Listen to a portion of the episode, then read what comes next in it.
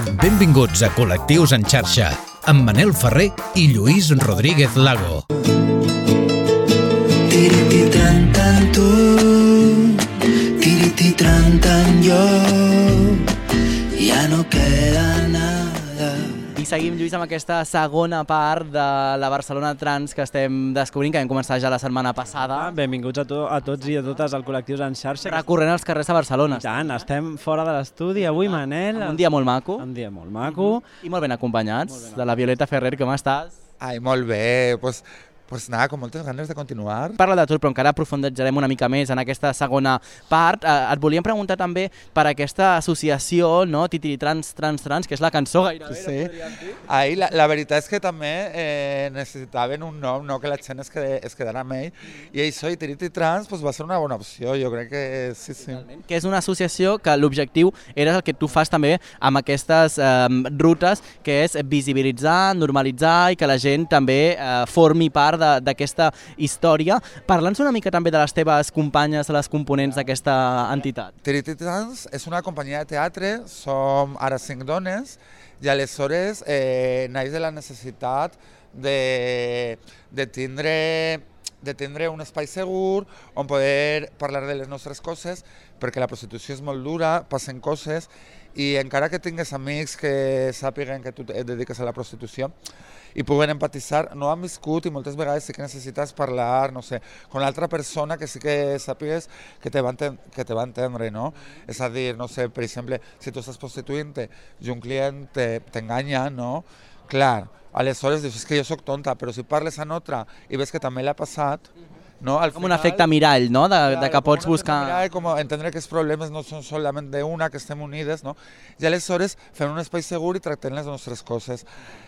D'ahí en van entendre la necessitat de portar això als escenaris perquè no es quedarà simplement ahí perquè així no transformaven, no? I, i, i en aquest espírit eh, naix Tiriti Trans Trans Trans i aleshores van, van fer una peça de teatre i ara tenem més coses, tenim la ruta, la peça de teatre, tenim una peça més curta per anar a instituts, i anem fent diverses coses, no? I, també, i, bueno, i som cinc, cinc, eh, cinc dones, tres són immigrants, eh, la Dubi, Vivian i Linet, i després estem eh, Eden i jo. I dos directores que són la canya. Són la canya, eh? El Lluís eh, és, és, és com sempre em parla molt d'aquests referents, de la falta de referents. Exacte. No, i li volia preguntar uh, on podem veure, si podem veure aquestes obres de teatre i on les podem veure. I com es poden contractar, Exacte, també, i com es poden contractar. Pues tot per eh, missatge directe a l'Instagram, a Tiriti Trans Trans Trans, i ahí pues, es podeu contractar i podeu veure els pròxims bolos. O sigui que... Escolta'm, les institucions, eh, no sé si també s'estan... M'agradaria parlar també de Trama, que la cooperativa Trama també, eh, també és col·laboradora de la ruta, i és, eh, bueno, pues això és una cooperativa sense ànim de lucre, eh, que treballa un poc l'economia solidària des de la cultura popular, no? és transversal i feminista, i bueno, i això, que també. I per contextualitzar, però no ens trobem ara de Barcelona. Per quina part de Barcelona? Pues ara eh, ja estem eixint un poquet del Born i arribant ja a la Rambla, que és, sí que són més història també ja. Val, val. perquè ara a la Rambla pues, eh, parlarem en general un poquet de la, de la lluita del col·lectiu, no? És a dir, que sempre hem estat les primeres, eh, la primera manifestació va ser per homes transvestits, Després també tenim la de Stonewall, que també estaven les primeres. Després tenim la de després de la mort de Franco, que també estaven les primeres. I pues, això demostrar que sempre hem, hem estat a l'avantguàrdia de, de la lluita i, i que mai hem conquistat drets, que pues, això és una injustícia molt gran. M'agrada molt que ens diguis això, no? perquè eh, és veritat, tu has repassat ara mateix com les dones trans heu estat a, al capdavant de totes aquestes reivindicacions i tu, fins i tot en l'anterior programa, ens deies com encara esteu intentant assolir els drets que les dones cis eh, eh, intentaven guanyar a les primeres onades feministes i en canvi vosaltres veu estar en aquest, a- encapçalant aquestes primeres eh, reivindicacions en els llocs com estem ara com, o com arribarem ara, que és les Rambles, no? Claro, es que además deberían de solidarizarse con nosotras, las feministas, en este sentido, porque la, la primera ola del feminismo eh, em- empieza Eh, porque ellas iniciaron la Revolución Francesa y luego, sin embargo, cuando consiguieron ganar la Revolución Francesa, se le dieron los derechos a los hombres y a ellas no. Y entonces dicen, es injusto si nosotras hemos iniciado una revolución, porque no se nos... Claro, y nosotros estamos en el mismo sitio, ¿no? Porque si nosotras estamos iniciando revoluciones, estamos todos los días poniendo la cara, el cuerpo, las expectativas, el alma en nuestra vida, porque a nosotros no se nos dan derechos, ¿no? Es que estamos un poco en el mismo punto. Claro, ya ha llegado la cuarta ola, nosotros seguimos en la primera, pero bueno, no pasa nada. Pero que te quiero decir que al final yo creo que sí que deberían... Eh, y además, eh, voy a hacer una frase de Olimpe de que es una, es una feminista muy importante de la segunda ola, que decía, eh, una mujer no nace, una mujer se hace. Y entonces pues eso lo tendríamos que entender todas. Jo que he estat ara, ara bueno, fa poc, al març, vam tenir la, el Dia de la Dona no? i vam, vam sortir als carrers de nou a reivindicar drets, veia com convivien eh, aquests cartells que tu deies amb aquesta frase, no? la de mujer se hace, no se nace, però a, al costat, aquí a Barcelona, teníem altres, no? com eh, ser mujer no és un sentimiento, etc etc. Com, com estàs vivint tu des de la teva des de la teva vivència o des de la teva mm, manera de veure el feminisme aquesta eh, convivència d'aquestes idees feministes que, que convergeixen?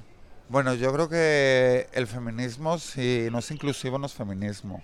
Entonces, a partir de ahí, todo lo que son los feminismos excluyentes, que no solo es con las trans, ¿eh? feminismos excluyentes con las trans, con las trabajadoras sexuales, con las mujeres que hacen la, eh, lo del embarazo subrogado, no, Toda, eh, todos estos movimientos, muchas veces las feministas dicen, no, no, tú no puedes pertenecer al movimiento entonces, claro, es muy absurdo, o sea, que por su peso, es que yo creo que no, no, no hace falta explicar mucho más. O sea, si el feminismo no es inclusivo, no es feminismo. Estem d'acord.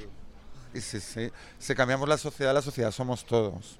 Totalment. I d'esta societat, de totes aquestes persones que al final acabem formant eh, la societat i, i, i qui acabem eh, sent, també et volia preguntar per, per justament això, no? La gent, ara estem passejant pel centre de Barcelona, Barcelona sempre es ven com una ciutat eh, moderna, no una ciutat pionera, però encara hi ha mirades, eh, comentaris eh, al teu pas o al pas de les teves companyes, mirades estranyes i que no concorden amb aquesta ciutat moderna que volem ser?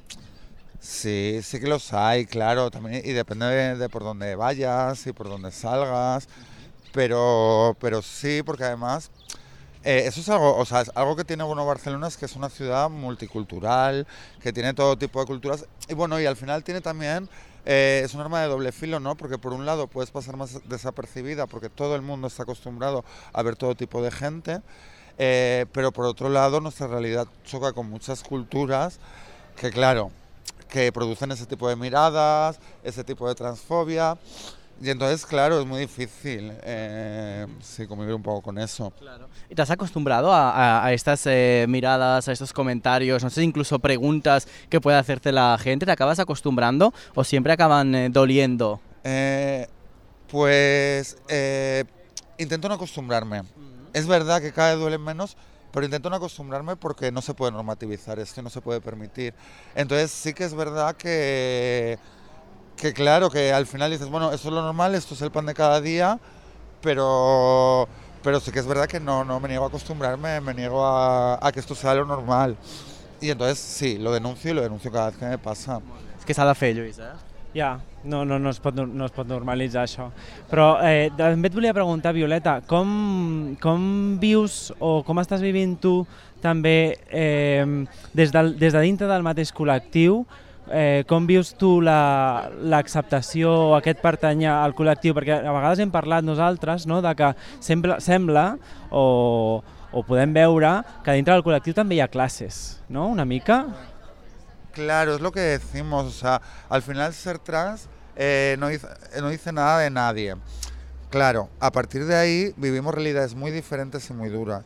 Yo vuelvo a hablar de mis privilegios, blanquita española, pero no todas las trans son blanquitas españolas. Entonces, claro, o sea, mis prioridades no van a ser las mismas que una persona que es inmigrante, que es racializada, que sufre otro tipo, otro tipo de violencias. Entonces, luego dentro del colectivo trans, pues exacto, tenemos nuestros debates, eh, nuestras cosas, y entonces, claro, o sea, a mí una persona me cae bien por la persona que es, no por el hecho de que sea trans. Claro, entonces que yo me lleve bien con otra persona trans, solo por el hecho de ser trans, muchas veces es, es como decir, a mí no sé, pues a lo mejor lo que me une contigo es que nos gusta la misma música, ¿me entiendes? Y hay un pegamento, ¿no? Por eso nos llevamos bien. Claro, yo tengo que encontrar ese pegamento con otra trans, no el hecho de ser trans basta para que tú seas... Me... No sé, y lo mismo, con, o sea, yo no voy a caer bien a todas las trans tampoco. Tenemos que entender eso, ¿no? Entonces tenemos que, yo creo que tenemos que sentarnos, que buscar ese pegamento, decir qué es lo que nos une, porque muchas veces no lo encontramos. Y eso es muy peligroso. De hecho, yo creo que ahora lo que han dicho es la fiesta de divide y vencerás. Y ahora hay muchos feminismos y lo que están haciendo es dividiéndonos eh, para vencernos. Entonces no lo tenemos que permitir. Lo que tenemos es que encontrar ese pegamento y ese punto de unión porque muchas veces es difícil de encontrar cuando lo que te une es ser mujer que no quiere decir nada o ser trans que tampoco quiere decir nada, ¿no? Que no... Dime la definición de mujer. Es un concepto que no tiene definición. Anem a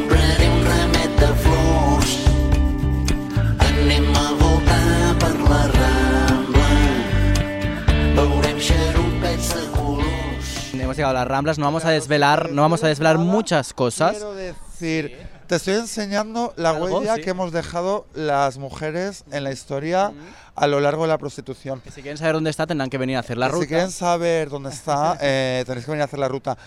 Sé que la historia la han escrito los hombres, pero nosotros hemos tenido otras formas de dejar huella. Y si queréis saber cuál, venir aquí. Mm. ¿Cómo se os ha quedado la cara? Es que es brutal, porque ahora Luis lo está viendo sin desvelarlo. ¿Pero qué dirías? A mi, a mi m'ho havies explicat una mica per sobre, però clar, ara que sé de què parlem i ho estic veient, eh, bueno, clar, no... Las mujeres, al igual sin hablar, han dejado muchísima huella también. ¿eh? Exacto. Y este símbolo de la prostitución tampoco, también lo ha salvado pues una persona, bueno, que al final le interesaba, ¿no? Quiero decirte, nos quejamos de la prostitución en las Ramblas, por otro lado, símbolo de la prostitución, ¿no? Claro, claro. Bueno, pues seguimos. Vamos a seguir hoy a todo esto y me hace mucha gracia porque este objeto, que expresamente no estamos diciendo cuál es para que la gente venga a ver el, el- el tour y lo disfrute, em, también quería preguntarte por eso, por el uso que se ha hecho también de la prostitución y de la transexualidad también para crear un negocio, para crear un turismo y para también enriquecerse a la vez que, está- que muchos se están quejando y están diciendo que están en contra de la prostitución y de los transexuales, pero que también buscan la manera de, buscarle un, un vínculo económico, ¿no? Claro, bueno, hay que entender que esto ha pasado siempre. O sea, la visibilidad de la prostitución ha dependido del, re- del rédito político que le podía sacar el gobernador de turno. Y a partir de ahí, pues, pues eso, eh, hemos estado pues según lo que le parecía. O sea, nosotras somos una opinión, al final nuestra realidad es una opinión y depende de quién esté y lo que opine, pues, pues es más dura o menos dura. ¿Qué tal se ha portado la política, los alcaldes, alcaldesas de Barcelona con la prostitución? ¿Cómo lo explicarías tú? Bueno, eh, pues es verdad que a veces, ¿no? Y yo también, eh, esto me pasaba, ¿no? Que a veces decías, es que da igual a quién votar, ¿no? Porque al final siempre todo es lo mismo y tal. Y, y yo que he vivido aquí la prostitución en Barcelona, la época de Trías y ahora la época de Colau, realmente la relación con las autoridades ha cambiado tanto, se ha habido de una forma tan distinta, ¿no? Que al final sí que he visto la incidencia que muchas veces tiene un político y otro, ¿no? Eh, nos han hecho cosas muy perversas en la época de Trías, eh, lo hemos pasado muy mal y realmente ahora estamos en otro momento y, y llegas a entender al final, ¿no? Que muchas veces nos enfadamos con los cuerpos del Estado, ¿no? Porque te vienen a molestar o tal. Y esto nos ayuda a entender que, bueno, que al final las autoridades están al servicio del consistorio y lo que hacen es porque el gobernador o alcalde de turno es lo que dicen que hagan, ¿no? Y entonces- Colau, ¿qué tal? ¿Cómo lo está haciendo? ¿Qué dirías tú? Pues, eh, a ver, yo creo que tiene un papel muy difícil, porque aquí dentro de la prostitución hay muchas realidades y muchas miradas, ¿no? Podemos hablar de las que estamos haciéndolo de forma libre, pero nos vemos más necesitadas. Estamos hablando de las que lo hacen de forma libre, pero es que además les gusta su trabajo, que ya son estas personas que ganan más dinero, que hablábamos antes. Luego están las que están en situación de explotación y trata, que no son trabajadoras sexuales. Y al final, claro, eh, gestionar todo esto es una cosa muy difícil. Y a Colau, en este sentido, le ha venido un papel súper difícil y muy difícil gestionarlo y moverlo. A partir de ahí yo creo que lo está haciendo muy bien porque está intentando dar un poco la respuesta a todas estas realidades, pero claro, es muy difícil, es muy difícil y yo ahí pues empatizo con ella decir, claro, cómo hay respuesta a, la- a unas cosas y a otras. Y luego también eh, hay que entender que, bueno, es alcalde de una ciudad ni siquiera una comunidad autónoma, ni es, claro, llegarás hasta donde llegues luego. Sí, sí. Sí, sí. Yo quería preguntarte, porque hacías antes, hace muy poquito, esta referencia, por ejemplo, eh, pues nos podemos llevar bien porque nos gusta el mismo estilo de música, pero no necesariamente podamos compartir el resto de, de opiniones, ¿no? No sé también cómo es la relación eh, con el resto de personas trans. Eh, ¿Hay una, un sentimiento de unidad, de ir todas a una, o, o es un colectivo que también es muy independiente? Bueno, ya te digo, eh, estamos un poco fragmentadas, pero sobre todo porque venimos de realidades muy diferentes, ¿no? Y entonces al final muchas veces pues igual que, por ejemplo, en el campo nos distribuimos por nacionalidades, ¿no? Pues claro, al final tú haces piña con tu nacionalidad, no sé, eh, y al final ya te digo, eh, se nota mucho exacto, el choque cultural. Regaba la rosa, regaba el clavel y entre copla y copla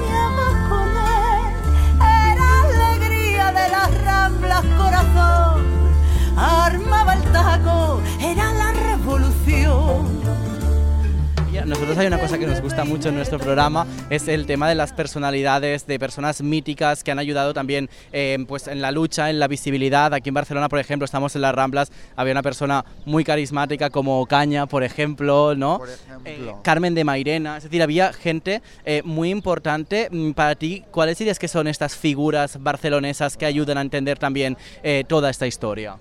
Bueno, a mí me gusta eh, mucho poner exacto, pues hablar de Carmen de Mairena, porque yo creo que al final fue muy injustamente tratada, eh, de Mónica del Raval, Mónica del Raval también es mítica, eh, y bueno, y, y son personas que han ido abriendo paso, ¿no? Aquí en Barcelona, luego también nombrar a Sonia Rescalvo, súper importante, y, y sí, son las personas que realmente nos han ido dando visibilidad.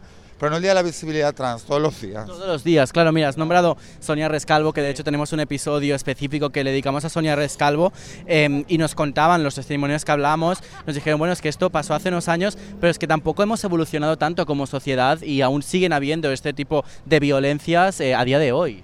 Eh, claro, o sea, no sé, eh, si yo recuerdo la última vez que me han gritado maricón otra vez, pues será un par de meses. Hace dos meses que recibiste seguramente este último... Eh, esta última violencia.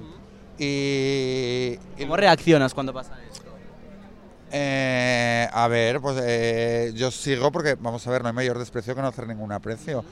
Pero sí que es verdad que yo luego lo cuento porque esas cosas no se tienen que normalizar y muchas veces la respuesta de la gente es, bueno, ya estás acostumbrada, ¿no? Y dices, pues no, no, no, no estoy acostumbrada, no sé, no, no. No me acostumbro ni, ni quiero acostumbrarme. quiero ¿eh? acostumbrarme. Sí, por eso digo, lo pongo muy en la mesa porque la gente lo tiene como, no sé, o, o muchas veces, claro, eh, a mí me ha pasado, ¿no? De quejarme de recibir una violencia y decirme, bueno, es que te has hecho trans, ¿no? Dices, sí, pero no para recibir violencia. No, como diciendo, eh, es lo que había, ¿no? No sabías cuando te hiciste La condición ¿no? que tenías que passar por, por ser trans.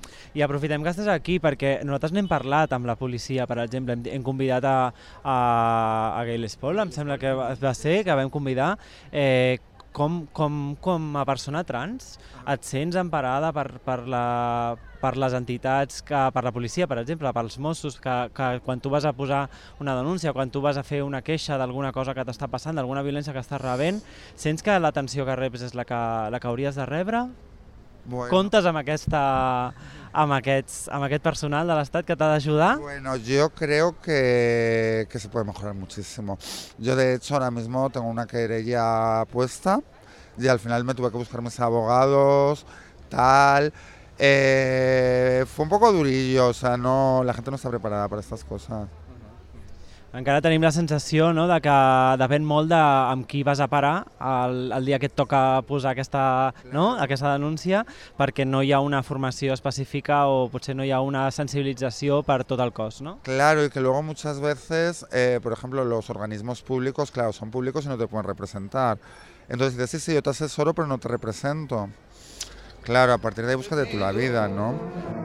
No te debo, me voy de tu vera, olvídame ya, tú te lo has pagado, mi carne morena, no maldigas payo, estamos en paz, no te engaño, quiero Si tú me lo dices. Ens hem parat aquí, Violeta, nos has hecho hacer esta pausa. ¿Por qué nos hemos parado aquí en medio de, de la Porque Rambla? Hemos llegado a la última parada de la, de la Rambla y porque esta calle, a mí me encanta, a mí me encanta esta calle.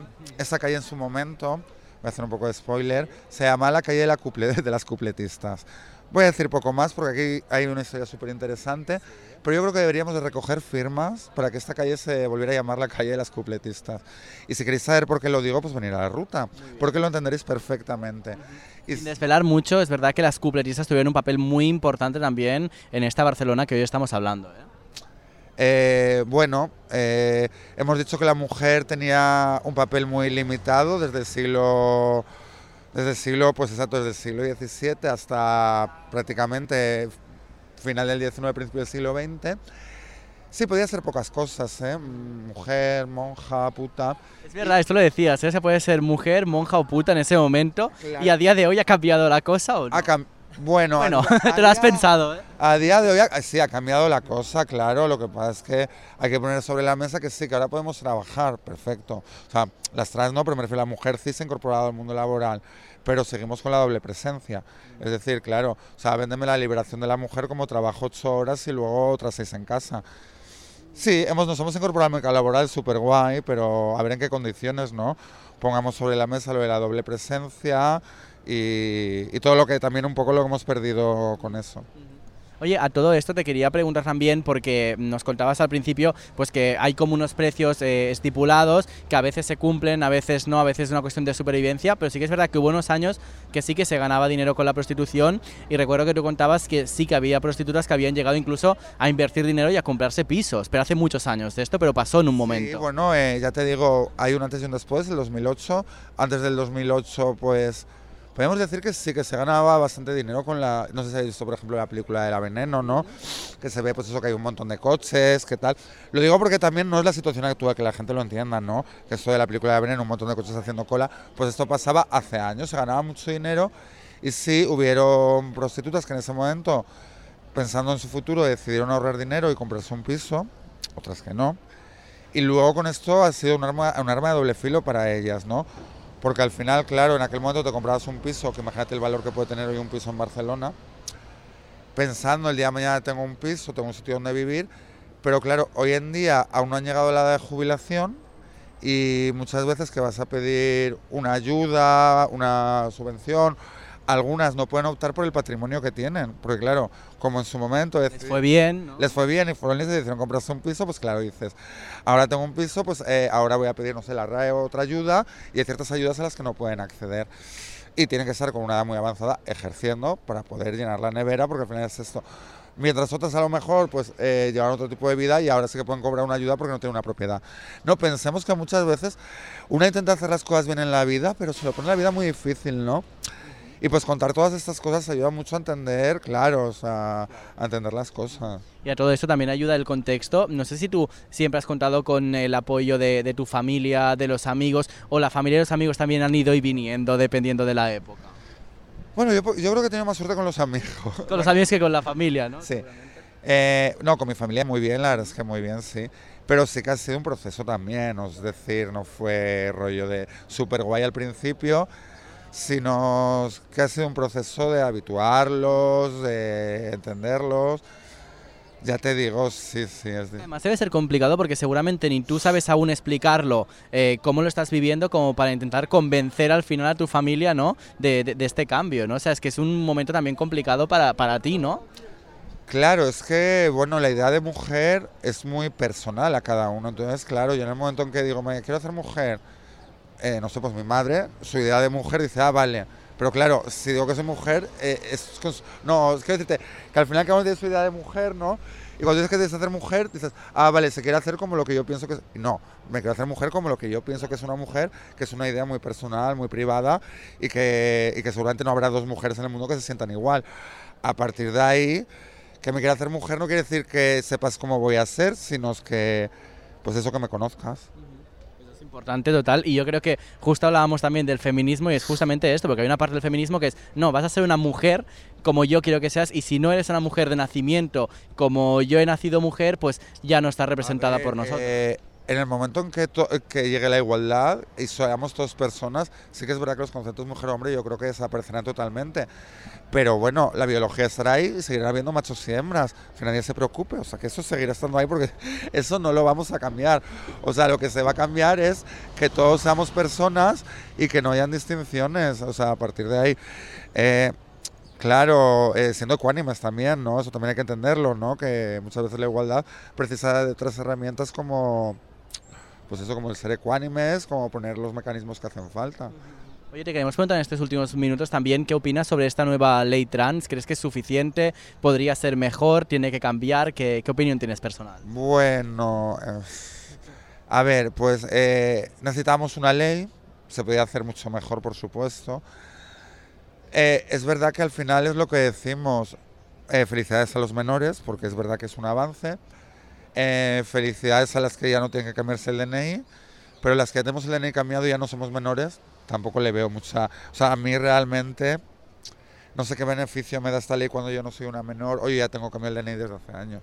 Claro que era necesaria, pero yo creo que debería ser- haber sido una ley para todos, o sea, para todos, todas y todas las realidades, las realidades trans. Y cuando hablamos de las realidades trans, ya no hablamos de transexuales o transgénero, que es de mí.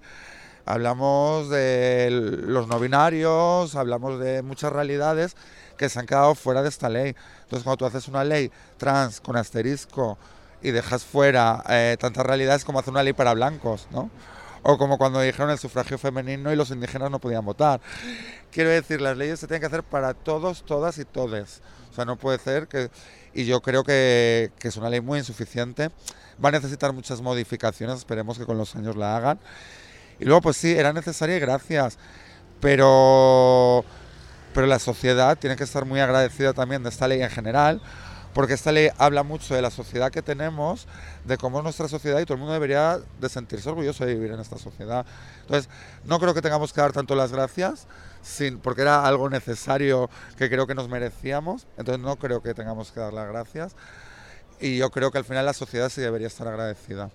Totalmente y, y- y ampliarla. decir que con esta ley perdimos a, a Carla Antonelli. Pues eso es su representación. No puedes decir que es feminista. Ahora, no puedes decir que eres trans-friendly si no tienes una persona trans que hable. No sé, tienes que hablar tú que no eres trans.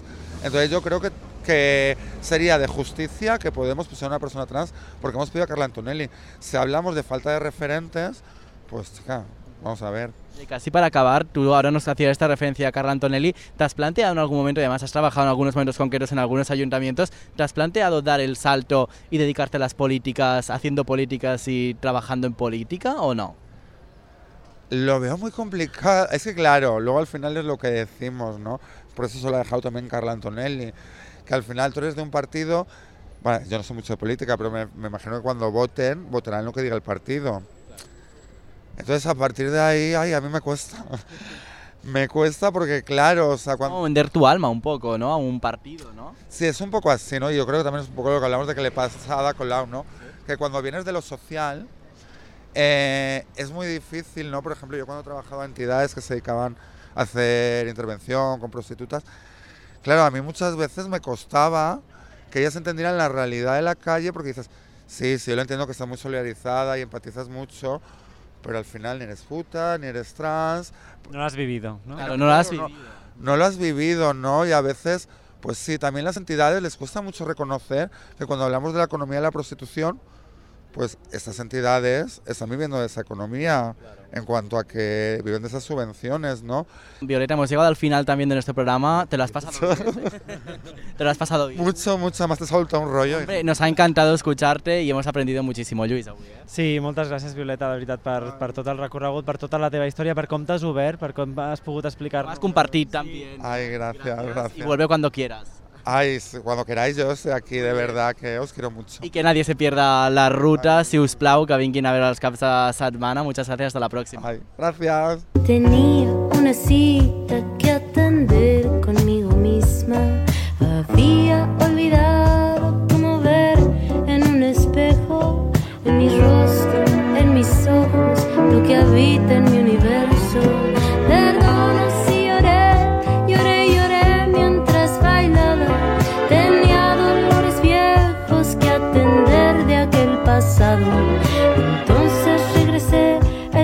silencio necesario para escuchar el corazón